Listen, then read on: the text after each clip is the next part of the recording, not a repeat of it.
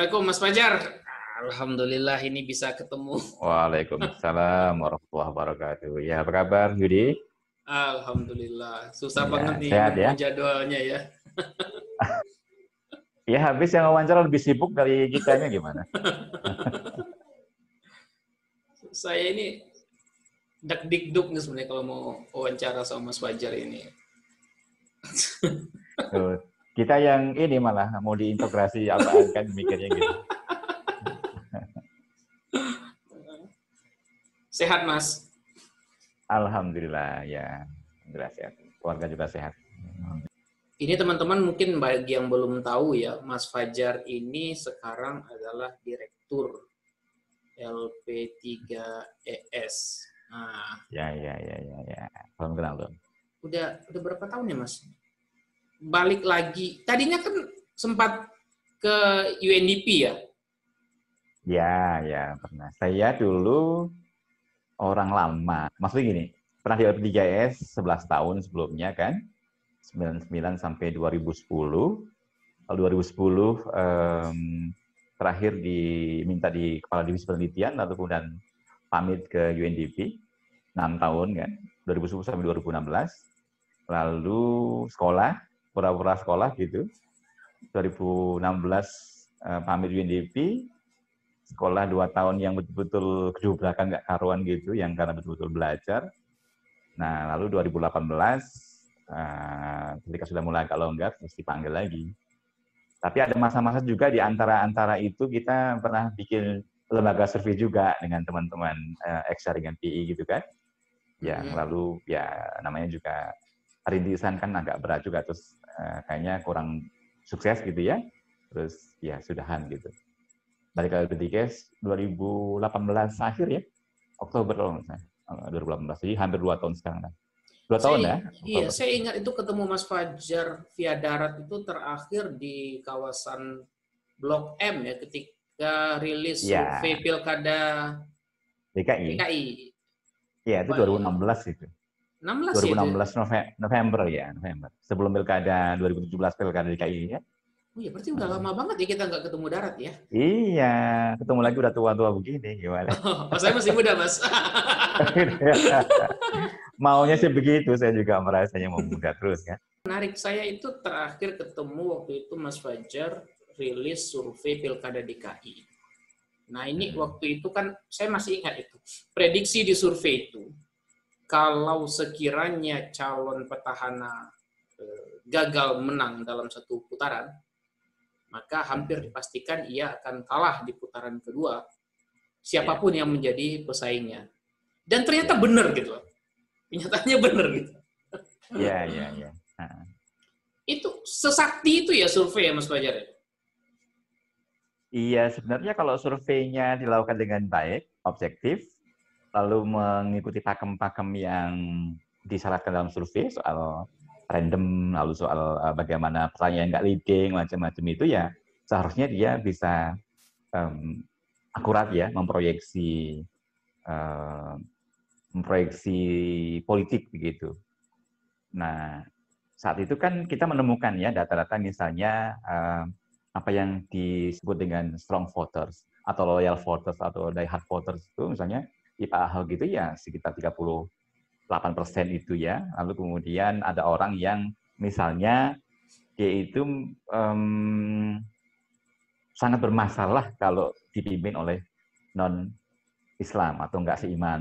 Itu solid banget. Nah, ini yang kemudian menjadi menjadi strong voter bagi Pak Andis atau siapa pun yang nanti running di kedua ketika itu ketika melawan Ahok. Jadi Pak Ahok itu memang punya segmentasi yang sangat solid yang itu terbukti ketika pilkada kedua itu uh, maaf di pilkada kemarin itu. Jadi prediksi kita kalau dia tidak lolos ketika dia lolos putaran kedua, siapa pun lawannya dia akan kalah karena memang segmented banget gitu pemilih dia. Saat itu gitu prediksi. Dan waktu itu prediksinya itu tidak terkait dengan isu 212 itu ya? Uh, lebih kepada ini kita kan menanyakan seberapa seberapa fleksibel orang dalam bidang politik ya saat itu ya Nah, kita menanyakan apakah misalnya mereka cukup welcome ketika dipimpin oleh orang yang uh, berbeda keyakinan, gitu misalnya. Lalu apakah mereka welcome dengan orang yang dipimpin berbeda etnis?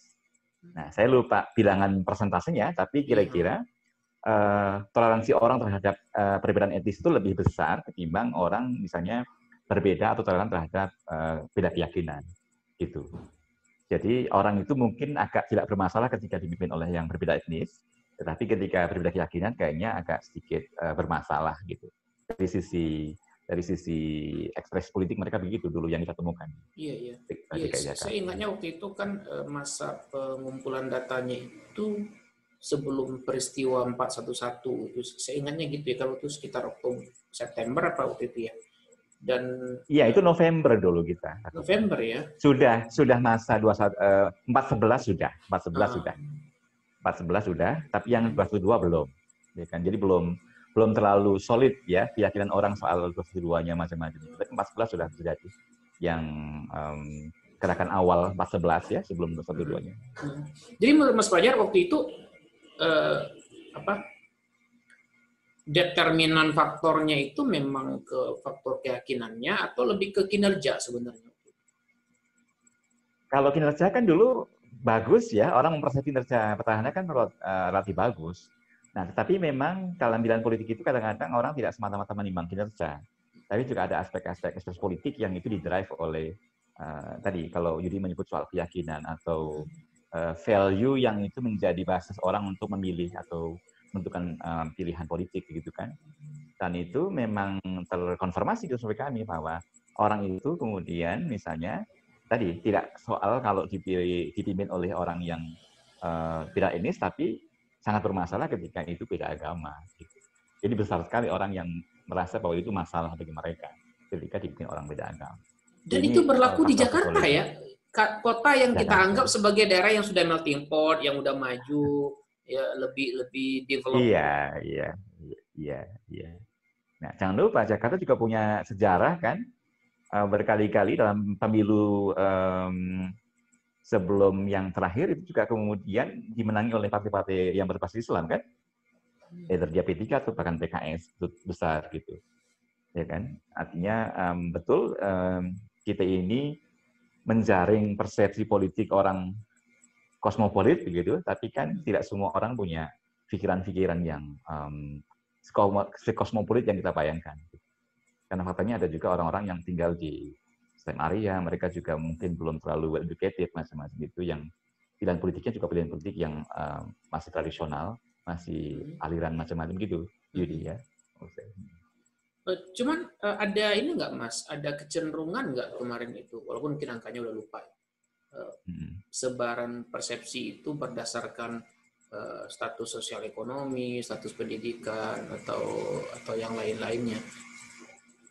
Ketika iya, maksudnya iya. ketika peran peran faktor keyakinan itu pada hmm. kelas uh, menengah ke atas atau kelas menengah terdidik itu ada ada iya ada pengaruhnya dong ada pengaruhnya. Uh, jadi semakin terdidik orang itu lebih fleksibel lebih terbuka dia nah tetapi sebetulnya fenomena solidnya pilihan politik itu tidak terjadi hmm. pada kelompok Islam saja juga Yudi. Hmm. karena di antara daya hard voters uh, Pak Ahok juga mereka juga solid. Misalnya pemilih yang beragama Kristen juga solid juga. Artinya uh, drive bahwa orang itu memilih atas agama itu memang terkonfirmasi oleh um, apa lintas agama. Kita dia Islam atau Kristen juga terjadi begitu gitu Oh jadi, jadi misalnya non Muslim cenderung lebih cenderung akan ke Ahok ya, gitu ya waktu itu. Ya, ya, itu itu confirm juga. Jadi artinya sebetulnya um, poin saya adalah drive untuk milih itu Islam Kristen atau apa pun mungkin memang punya punya konsideransi uh, apa ya agama gitu di situ gitu. Walaupun seharusnya itu dalam uh, politik modern kan seharusnya bisa agak sedikit berjarak ya. Tidak sama karena agama itu mendrive dan orang. Nah, tapi gini juga, uh, kami juga punya pengalaman ketika tahun 2009 ya, melakukan tracking soal isu-isu agama ini, juga tidak terlalu mengangkat uh, elektabilitas seseorang. Misalnya gini, 2009 hmm. itu kan kalau tidak salah ada pasangan yang mempromosikan konsep jilbab loro ya, ya kan? Hmm. Jilbab loro. Jadi dua-dua istrinya berjilbab gitu. Oh iya nah, iya iya. Ketika iya. di track ketika di track kan ternyata itu tidak ngangkat sama sekali bahkan blunder karena ternyata isu jilbab itu tidak ditimbang oleh pemilih nasional pada masa itu ya. Iya, Sehingga ketika itu dijadikan dijadikan komunitas politik ternyata malah nggak mengangkat. Di Jakarta nah, pun juga nggak mengangkat. Yang khusus karena, Jakarta. Ya, ya. Artinya memang uh, tidak semua tidak semua atribut keagamaan itu bisa bisa ditimbang oleh orang-orang ketika memilih. Atau kalau kita mau melihat dari faktor uh, teori-teori perilaku politik, misalnya indigenous voting misalnya, itu kan sebetulnya orang itu ya sudah punya pilihan figur dulu ketimbang value yang value yang ada pada calon-calon yang bertanding itu. Gitu. Misalnya gini, dulu kan SBY menang, ya kan? Nah, mau dipasang sama apa pun, atribut apa pun, ya menang-menang aja. Gitu. Walaupun kemudian misalnya lawannya akan menggunakan isu-isu yang tadi berbasis keagamaan apa gitu. Mm -hmm. Tapi karena basisnya orang itu sudah punya pilihan ke PSBY ya ya sudah aja gitu kan.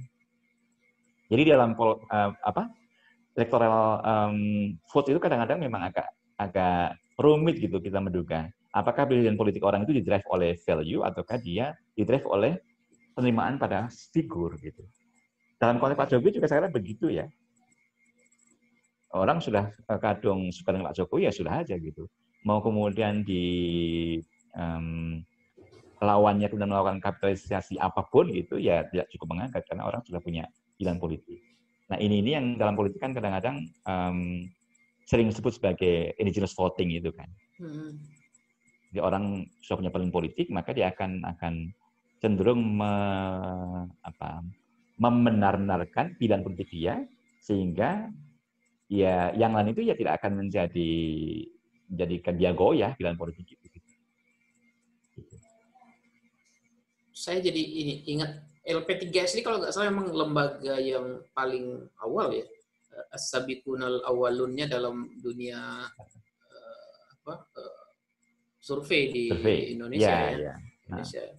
Uh, saya ingat uh, waktu itu yang awal dipublish itu secara luas 2004 ya ketika pil pileg kemudian pilpres 2004 dan itu cukup tepat Cuman kan belakangan ada sebagian pihak nih mulai meragukan survei. Sampai-sampai yeah. kemudian kan itu menjadi keributan di 2014 dan 14 2019 yeah. ya. Yeah. Saya ingat itu 2012 itu saya sangat memujikan sikap Fauzi Bowo waktu itu. Ketika ia dinyatakan kalah oleh survei, dia langsung mengakui kekalahannya karena itu adalah uh, sesuatu yang, yang ilmiah menurutnya. Yeah. Tapi pada 2014 sampai 2019 ini dan sampai sekarang kan eksesnya sampai sekarang nih orang apa friksi yeah. politik ini. Ini apa pangkal masalahnya kalau menurut Mas Fajar ini? Kenapa yeah, sampai gini. sampai sampai hilang kepercayaan sebagian orang kepada Ya, uh, survei itu itu kan mula-mula memang dia uh, punya misi mulia untuk memproduksi pengetahuan kan mula-mula gitu. Ketika LBTX melakukan quick count misalnya tahun 2004 pertama kali quick count itu dan survei-survei politik sebelumnya juga itu kan tidak tidak uh, berurusan dengan soal menang kalah kandidat, gitu kan. Tapi bagaimana orang publik itu diberikan uh, sebuah pengetahuan bahwa ini akan ada proses pesta politik begitu, yang kemudian pilihannya uh, eh, ABCDE gitu, lalu kemudian uh, kita akan diberikan uh, proyeksi tentang siapa yang akan menangi, siapa pun yang akan menang.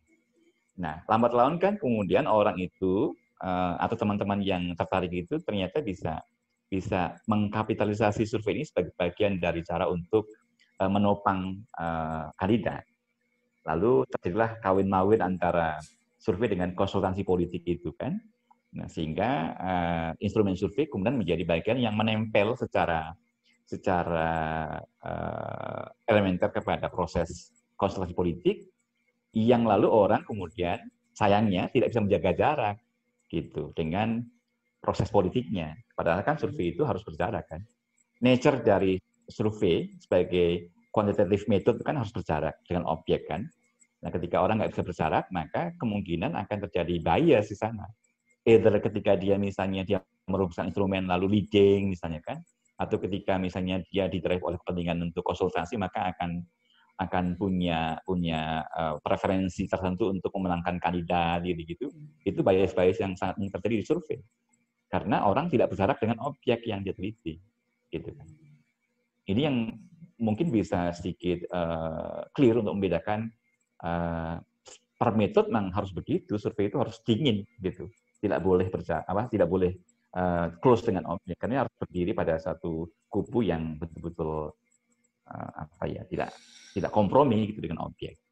Nah, ketika itu kawin dengan konsentrasi politik memang itu agak problematik karena lalu terjadilah uh, survei menjadi alat-alat pemenangan itu. Saya masih ingat awal-awal ketika di LP3IS ya, uh, pilkada uh, di Jawa Tengah pada masa itu, itu dulu ada nama Bambang Sadono itu di baliho besar-besar survei mereka mengatakan paling populer ya di Jawa Tengah tinggi. Kan ketua Golkar dia dulu. Lalu kemudian ada seorang tokoh dari partai yang lain yang uh, datang ke rumah tuh delegasinya. Saya itu sama masih LP3IS. Lebaran ke rumah, saya pas mudik. Bisa nggak kami dibantu survei oleh LP3IS? Oh bisa banget. Gitu. Tapi bisa nggak kita juga dibuat menang seperti Bapak Sadon? Oh iya nggak bisa dong. Nggak bisa dong. Nah, kayak gini-gini. Jadi publik itu kadang-kadang memang mau memperalat survei sebagai bagian dari untuk memenang-menangkan dia, atau paling tidak menopang argumentasi kenapa dia kemudian populer lalu terus uh, perlu dipilih macam-macam itu. Survei bisa menjadi alat yang baik di situ tuh bisa. Karena begitu orang orang kemudian dinobatkan sebagai misalnya populer begitu, maka kan ada drive juga untuk memilih kemudian. Atau paling enggak sekarang partai politik semuanya kan meminta survei ketika kandidat itu misalnya mau uh, ma maju ke pilkada, mendaftar gitu kan, surveinya mana kan gitu-gitu. Nah, survei menjadi uh, instrumen politik yang attach dalam proses kontestasi itu. Nah, sayangnya kemudian tidak semua orang bisa menjaga jarak dengan teratur atau tertib. Itu pangkal, menurut saya itu pangkal dari sengkarut judi. Sehingga ketika survei itu memihak A atau B, maka dia akan cenderung kemudian menang-menangkan kandidat yang dia dukung itu atau yang menyewa dia. Dan itu menjadi tragedi.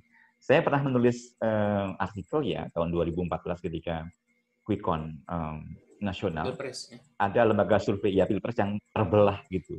Separuh memenangkan Pak Jokowi, separuh memenangkan Pak Prabowo. Pak Prabowo. Itu kan lucu gitu, lucu. Padahal ini Quickon bukan persepsi kan.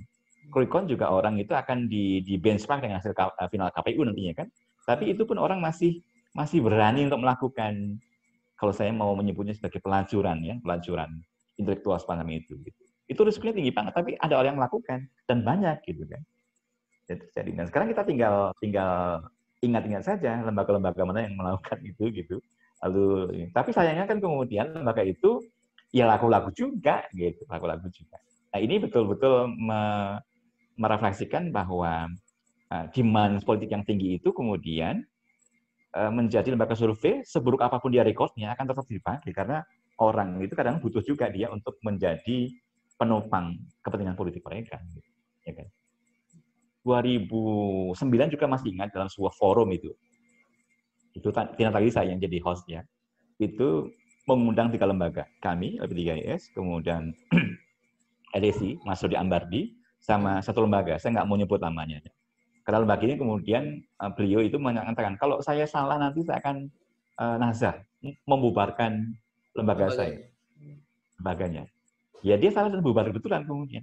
Tetapi belakangan dia bikin lembaga baru lagi kan, dengan hmm. cover yang baru lagi. Ya nggak ada yang bisa melarang kayak gitu-gitu. Tapi itu laku juga. Jadi memang demand sangat besar sekali sehingga uh, survei yang mula-mula tadi misinya adalah membuat produksi pengetahuan itu lalu kemudian betul-betul menjadi uh, alat politik ya propaganda politik yang yang yang manjur gitu oleh banyak orang. Ya, Itu yang menjadi sengkarut menurut saya ya. Ini kan riski ya menurut saya ya. Maksudnya sangat beresiko sekali bukan hanya untuk lembaga itu sendiri, tapi menurut saya eh, mempengaruhi tingkat kepercayaan kepada survei secara keseluruhan yang dilakukan oleh semua lembaga kan. Iya, ya. masyarakat survei lah yang ya, masyarakat uh, ini akan, akan sangat sangat terpengaruh bahkan juga berpengaruh kepada dunia intelektual secara umum menurut saya. Iya, iya, iya. Nah, 2019 kemarin juga saya nulis uh, artikel itu dimuat uh, di sebuah media begitu. Saya mengkritik um, Quickcon bukan dalam konteks siapa hasilnya menangkan siapa, tapi praktek quick itu perlu dikritik. Misalnya begini, tiba-tiba orang itu, lembaga-lembaga survei, teman-teman kita itu merasa bahwa yakin dong dengan kami gitu. Kami ini quick ilmiah loh gitu, ya kan? Hmm. Yakin dong gitu. Tetapi perilaku dia itu nggak minta, nggak mencerminkan sebuah perilaku yang yang clear gitu. Misalnya, hmm. lembaga survei kemudian runtang-runtung dengan politisi. Apakah boleh? Ya boleh-boleh saja. Tapi kan kemudian tadi, basisnya harus menjaga jarak gitu. Nah, ketika dia terlihat runtang-runtung dengan politikus atau dengan kandidat, satu sisi, lalu siang lain kemudian dia minta saya dengan kami dong, kan jadi kontradiktif. Jadi ambigu. Nah, bagaimana mungkin orang kemudian mau percaya dia kalau misalnya dia terlihat close relationship dengan kandidat misalnya. Nah, itu juga menurut saya uh, koreksi yang harus harus uh, apa dilakukan oleh teman-teman survei supaya dia juga dalam membangun image publik itu dimulai di dia sendiri juga gitu kan itu satu kritik saya satu karena dia tidak uh, tidak mencoba menjaga hubungan itu dengan hubungan yang lebih berjarak gitu ya. Yang kedua ada praktek-praktek yang juga menjadikan ikon itu menjadi alat cepat-cepatan gitu ya. Misalnya gini um, semua media saya kira itu kan kemudian berlomba-lomba mengumumkan siapa yang lebih cepat memprediksi hasil kan Nah ini perkawinan quick dengan media juga itu problem menurut saya. Problem banget. Karena media itu kan menciptakan drama. drama. Di yeah, 0% yeah. kemudian orang ber, berjumpalitan gitu kan. Bahkan kita, kita kemarin juga agak lucu ya karena ada orang yang merasa bahwa dia nyetel TV untuk quick dia ke belakang, ketika balik ke TV-nya, kok angkanya berubah kata dia. Lalu dia menuduh bahwa ada permainan angka di sana. Itu kan karena angkanya belum stabil kan jadi bolak balik nggak karuan itu tarik eh, penyalip gitu.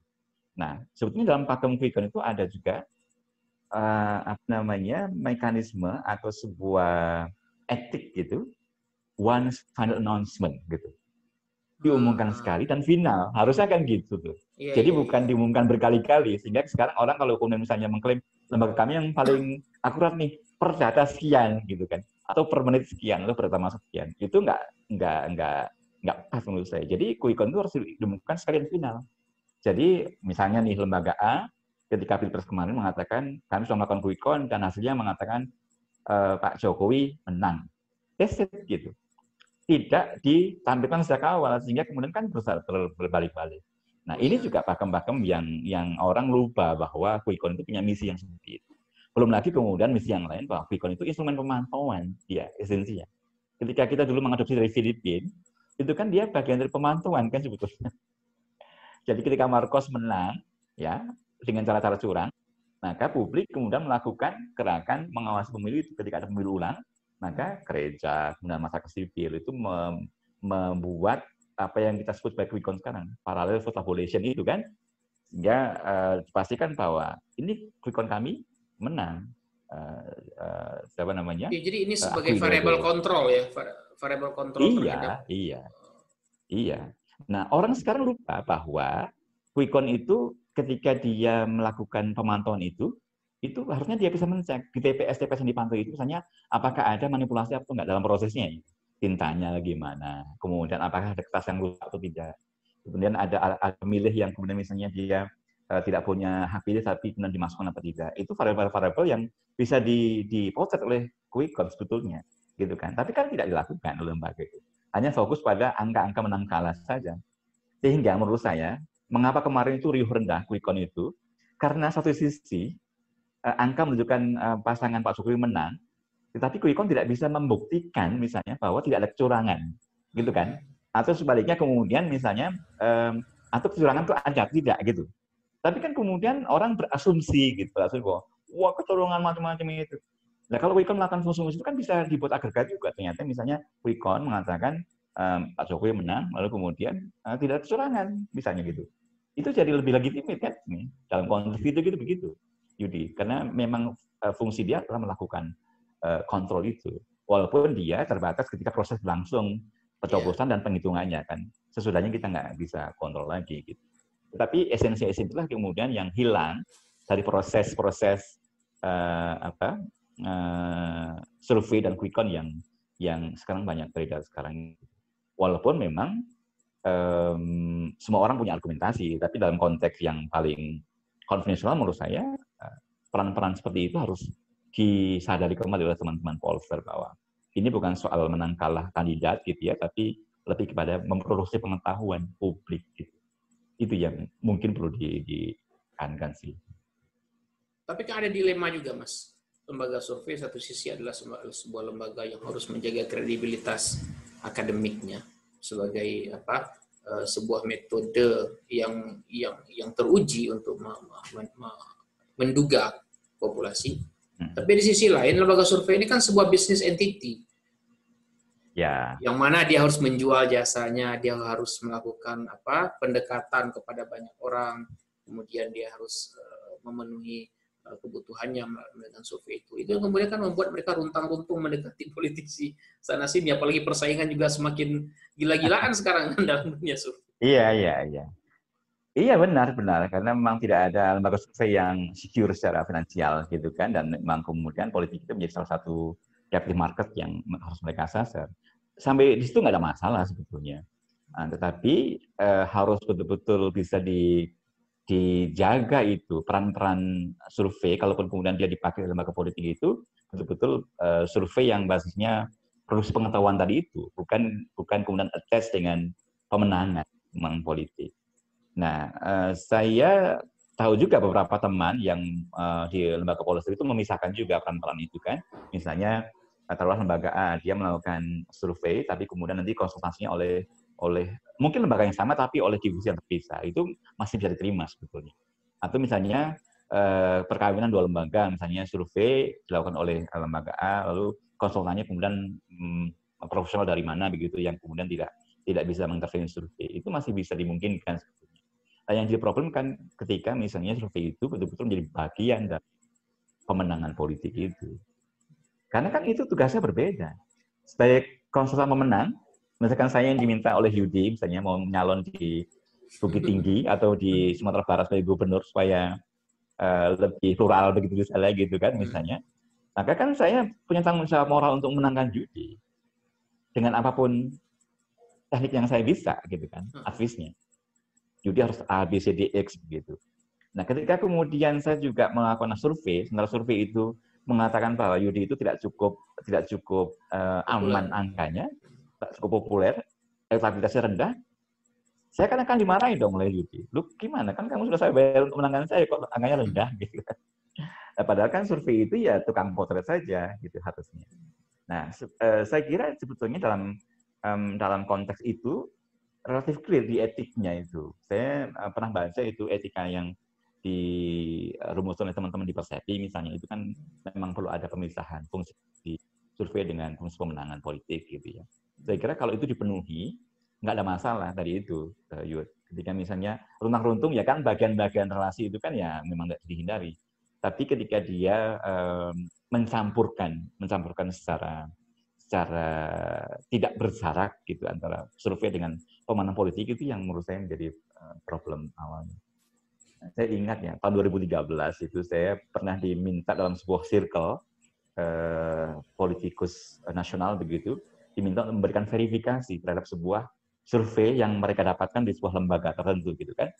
Mereka mengatakan bahwa Pak A ini tokoh yang mereka eh, eh, apa, harapkan maju usung itu masuk empat besar, empat besar dalam dalam uh, kompetisi uh, presidensial kali itu 2013. Tetapi orang-orang ini nggak yakin gitu, masa sih gitu, masa sih gitu, masa sih. Nah, mereka mengatakan kalau begitu memang uh, harus ada singkat cerita ketika kami diundang ya kita mengatakan harus ada ini pak harus ada audit terhadap survei itu. Coba kami dikasih akses uh, instrumennya lalu juga akses datanya. Ya itu kelihatan ketika dia audit ya betul-betul leading itu. Misalnya, mm-hmm. misalnya di antara tokoh-tokoh yang ditanyakan ke publik itu, tokoh-tokoh internal partai juga disimpan, nggak ditanyakan semuanya. Padahal kan di partai itu kan ada banyak tokoh toh, misalkan partai A gitu, tokohnya A, B, C, D. Yang dimunculkan hanya dia saja, yang B dan D nggak dimunculkan. Ya kan? Nah, dalam survei kan begini, kalau ada lima tokoh yang ditanyakan ke publik, peluang untuk dipilih kan seperlima dong Mm-hmm. Kalau dari peluang kan gitu, Pak Yudi. Sehingga kalau misalnya ada lima tokoh yang tanyakan, maka peluang masing-masing kan bisa seperlima. Mm-hmm. Anggaplah dibagi rata, ya 20 persen, 20 persen masing-masing kan.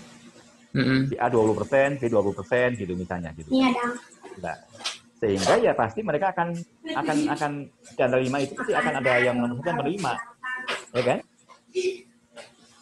Nah kalau kemudian kok figurnya di, dilebarkan 10 orang, pasti nggak uh-huh. nomor lima lagi dong. nomor delapan, nomor sembilan kan gitu. Iya iya iya. Ini iya. problem, problem leading ketika membuat instrumentasi itu. Kita temukan yang nggak gitu-gitu. Nah, lalu setelah kemudian kita jelaskan macam ada second opinion survey. Kita lakukan survei dengan cara yang lebih independen. Yeah, ya nggak yeah. muncul nama itu, beliau itu nggak muncul, Jud. Nah, kan, namanya nggak muncul. Jadi, loh, ya memang begitu. Karena kita lakukan dengan cara-cara yang lebih uh, objektif dan independen. Nah, setelah itu kemudian lalu uh, diputuskan kira-kira, oh kalau gitu ya sudah kita akhirnya berafiliasi dengan tokoh X kita akan dukung si A, si B gitu. Yang tokoh ini kemudian tidak dikatakan sendiri. Ya, itu betul-betul rekomendasi kami yang kami sampaikan dan itu dipatuhi. Nah, tapi poin saya adalah uh, ketika survei itu kemudian dilakukan dengan cara-cara yang close dengan pemenang politik, yang kan tadi begitu itu. Ya, akan begitu itu. Coba nanti eh, teman-teman juga cek eh, tahun 2009 juga menjelang Pilpres itu, itu ada sebuah lembaga survei yang mengumumkan bahwa Dulu kan orang itu memprediksi SBY akan jadi presiden lagi, ya kan? Hmm. Populer banget gitu. Tapi ada lembaga yang kemudian mengatakan bahwa ada orang lain yang menjadi presiden gitu. Survei dia mengatakan begitu. Setelah dicek ternyata uh, instrumennya leading. Misalnya gini, kalau seandainya partai ini kemudian berhasil uh, menangi menangi pemilu dan menurunkan harga BBM, so kira-kira presiden mana yang akan anda pilih? Ya, partai terang tokoh itu yang akan dipilih. Nah kayak itu kan leading gitu. Iya iya. Kita nggak tahu, publik tidak tahu kalau itu tidak dibedah gitu. Nah, Jadi itu leading itu maksudnya pertanyaan memang sudah mengarahkan jawaban ke satu arah gitu ya? Mengarahkan dan berikan konteks yang orang kemudian tergiring untuk ke situ gitu. Iya iya. Ya kan iya. ada ada ada menggiring misalkan kalau partai ini menang pemilu lalu kemudian berhasil menurunkan harga BBM gitu kan. Hmm. Terus siapa yang akan Anda pilih jadi presiden? Iya kan? Iya pasti itu kan. itu kejadian betul ya. dan kita tahu uh, instrumennya begitu. Nah cara-cara seperti ini kan cara-cara yang uh, apa namanya tidak benar dari si survei kan. Ini banyak yang dilakukan teman-teman. Ada mekanisme Kendal, kontrolnya nggak mas di di oh ya di teman-teman komunitas dong. apa ada nggak metode kontrol terhadap uh, pelanggaran etik seperti itu? Nah, sebetulnya ini yang diperankan dengan uh, baik harusnya oleh uh, asosiasi survei kan. Kita kan punya dua tuh. Ada grup Persepi, Perhimpunan Lembaga Survei Indonesia dan AROPI, Asosiasi uh, Lembaga Survei Indonesia ya. Ya, opini publik, sorry. Nah, itu kan dua grup yang menaungi lembaga survei itu. Hmm. Nah, harusnya mereka bisa punya punya standar etik yang uh, kuat ya untuk untuk misalnya mengontrol perilaku dari masing-masing anggotanya gitu. Nah, eh, kalau dilihat dari historinya kan kita juga melihat bahwa dua-duanya juga pernah punya histori kompetisi begitu ya, ada tokoh di antaranya gitu. Tapi sudahlah begitu.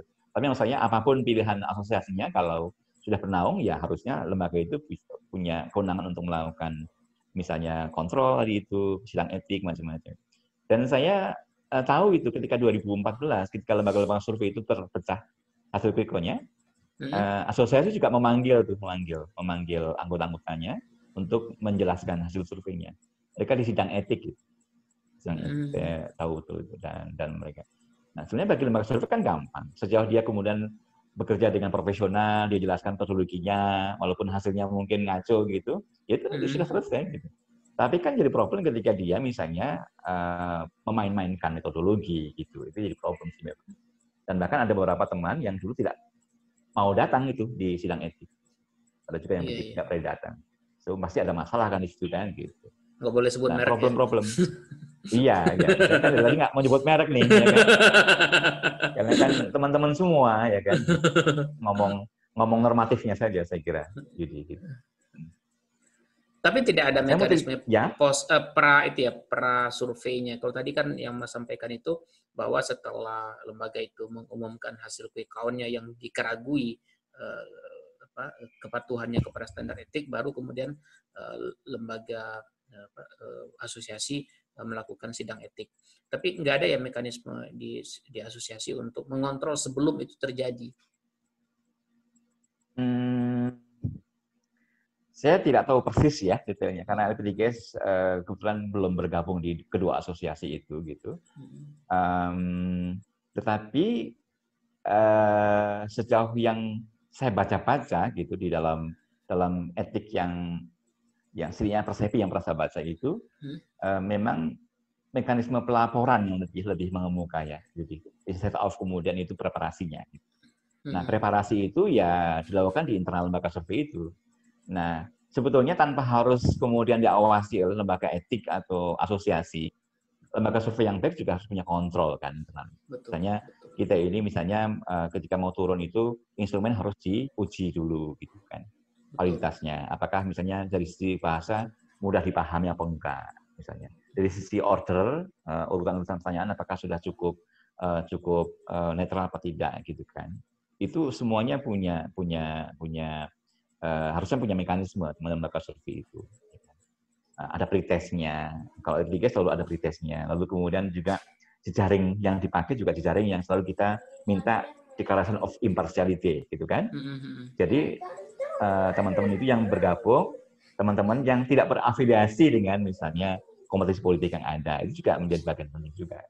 Karena banyak, nah saya pernah lucu kalau saya mau cerita, pernah diminta untuk menjadi saya nggak mau sebut konsultan ya karena itu teman-teman sendiri juga di iya. sebuah uh, perhelatan kompetisi um, elektoral begitu. Uh, tetapi mereka meminta apa siapa nanti konsepnya nanti yang jalan relawan kami gitu. Dua kali itu saya relawannya uh, calon itu, relawannya kandidat iya, itu. persis. persis. Dan dua-duanya gagal. Dua-duanya gagal. Kenapa?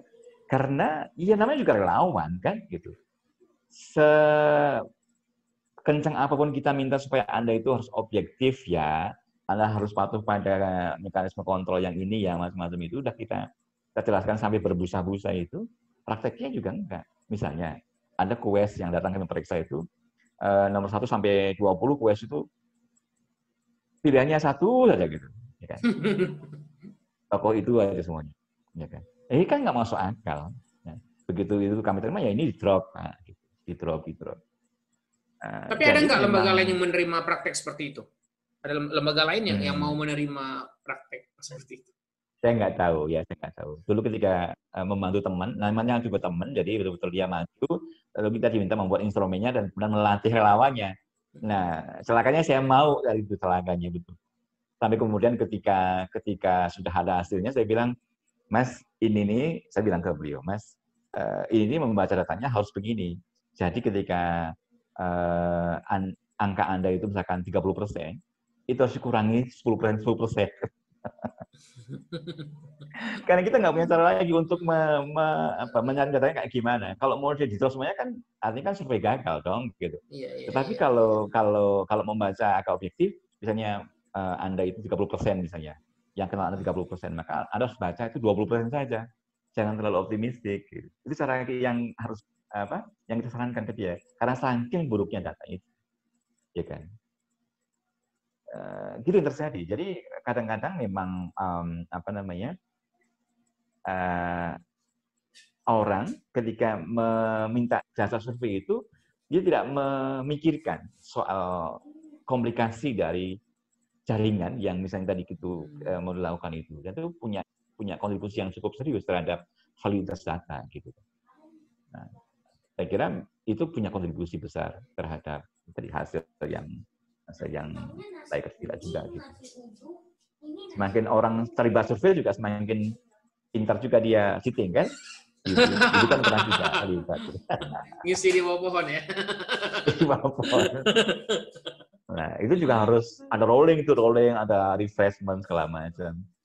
Pokoknya harus punya banyak teknik lah lembaga survei supaya hasil dia betul-betul bisa confirm uh, validity itu gitu ya. Tapi saya pernah ngerjain survei LP3S di Sumatera Barat itu dan saya nggak dapat apa-apa, yeah. Mas. Maksudnya gimana? Jadi waktu itu yang datang Mas Mudaris. Uh. Mas Mudaris, terus uh, datang ke lembaga saya PTSD waktu itu di, Hmm, di hmm, hmm. Sumbar. Saya bantu survei dan saya salah di 3 RW. Kan 4 Hmm, RW. oke. Saya salah di 3 RW dan sama su- eh, supervisor saya saat itu Bang Nawir itu saya diminta balik ke daerah gitu, untuk untuk- karena kan beliau ini sangat mengontrol dan saya balik dan itu benar-benar saya akhirnya saya tidak kan ada ongkosnya buat kita ya untuk Ya, sebagai ya, ya. surveyor dan dan ongkos saya habis semua mas karena saya harus kembali Ya, lagi ke ya. daerah untuk menjaga kualitas survei itu dan makanya kemudian Ya, ya. ketika eh, muncul praktek-praktek yang dilakukan oleh teman-teman yang belakangan lembaga-lembaga belakangan itu kemudian membuat kita merasa miris kan sebenarnya karena apa yang sudah dibangun dari awal itu kemudian runtuh eh, apa, kehilangan eh, trust dari dari publik. Iya, iya, iya. Iya, em, memang itu kan bagian dari mekanisme kontrol ya, spot check gitu. Kalau misalnya sudah mengumpulkan, walaupun kita cek apakah dari sisi eh, apa isian gitu ada yang tidak masuk akal gitu. Lalu kemudian dari sisi pengambilan samplingnya juga, respondennya juga seberapa patuh dia pada eh, eh, sistematika yang sudah ditentukan gitu-gitu. Kalau salah memang harus balik tuh. Saya masih ingat ketika tahun 2004 ya di Aceh tuh. 2004 eh, pokoknya setelah suami eh, 2000 setelah suami, tsunami kan 2004 ya. Iya, 2005. iya, eh, 2005. itu ketika pendataan audit daftar pemilih eh, Hmm. pasca tsunami gitu, pas tsunami. Itu tuh Aceh bayangkan, itu kan terjadi inflasi yang luar biasa misalnya. Lembaga donor masuk, mereka duit itu betul-betul Banyak eh, ya. nggak terkontrol gitu. Lah kita datang dengan dengan eh, lampir LP3S yang pakai rupiah murni gitu. ya. itu mereka mereka bilang "Eh, kami ini kalau ke lapangan terus ini nggak cukup ongkosnya gitu bahasa mereka bahkan untuk me- menjahit celana kami yang sobek juga nggak cukup. Sehingga mereka lalu melakukan curang gitu. Jadi ada beberapa orang yang curang kita sidang gitu itu alasannya. Ya kita bilang iya kalau ada curang ya kita nggak akan bayar. Kan itu sudah itu sudah dari awal kita sampaikan. So bagaimana? Ya kalau anda mau ya ke lapangan lagi. Mereka nggak mau. So gimana? Ya nggak kami bayar. Saat itu begitu. Lalu perdebatan keras eh, dia mengatakan tolong hargai ikhtikat baik kami. Ya kayak gitu. Ya kita kapan tidak dibayar kayak gitu gitu yang diberikan yang paling hanya transportnya saja tapi fee-nya nggak diberikan. Nah kayak gini-gini ini kadang-kadang menjadi transaksi yang berat ya bagi bagi polster gitu. Lebih kalau misalnya kemudian dia terburu-buru misalnya ya kan? Terburu-buru sehingga proses-proses checking lalu proses-proses quality control itu kadang-kadang lewat itu aja. Nah eh, saya kira memang memang ini menjadi problem yang cukup serius ya di antara semua uh, polster untuk mempraktekkan dengan eh, hati-hati dan juga eh, konsekuen semua proses eh, quality control itu sehingga data yang kita sajikan juga data yang betul-betul tadi mengkonfirmasi validitas tadi itu. Karena survei kan kita punya prinsip ini, Yudi, garbage in, garbage out. Kalau kita Ya. yang kita kumpulkan sampah, keluarnya sampah juga. nah ini yang kadang-kadang kadang-kadang eh, ya taruhannya kan macam-macam ya waktu ya kemudian juga oh, orang sudah terusupan ke mana-mana begitu ya selalu nggak dibayar suruh balik nanti takes time lagi gitu-gitu. Tapi itu semua tantangannya makanya manajemen survei itu separuh dari proses survei sendiri gitu. Kalau manajemen eh, deployment eh, relawan kemudian soal test macam nggak semata-mata soal instrumen saja ya. Betul.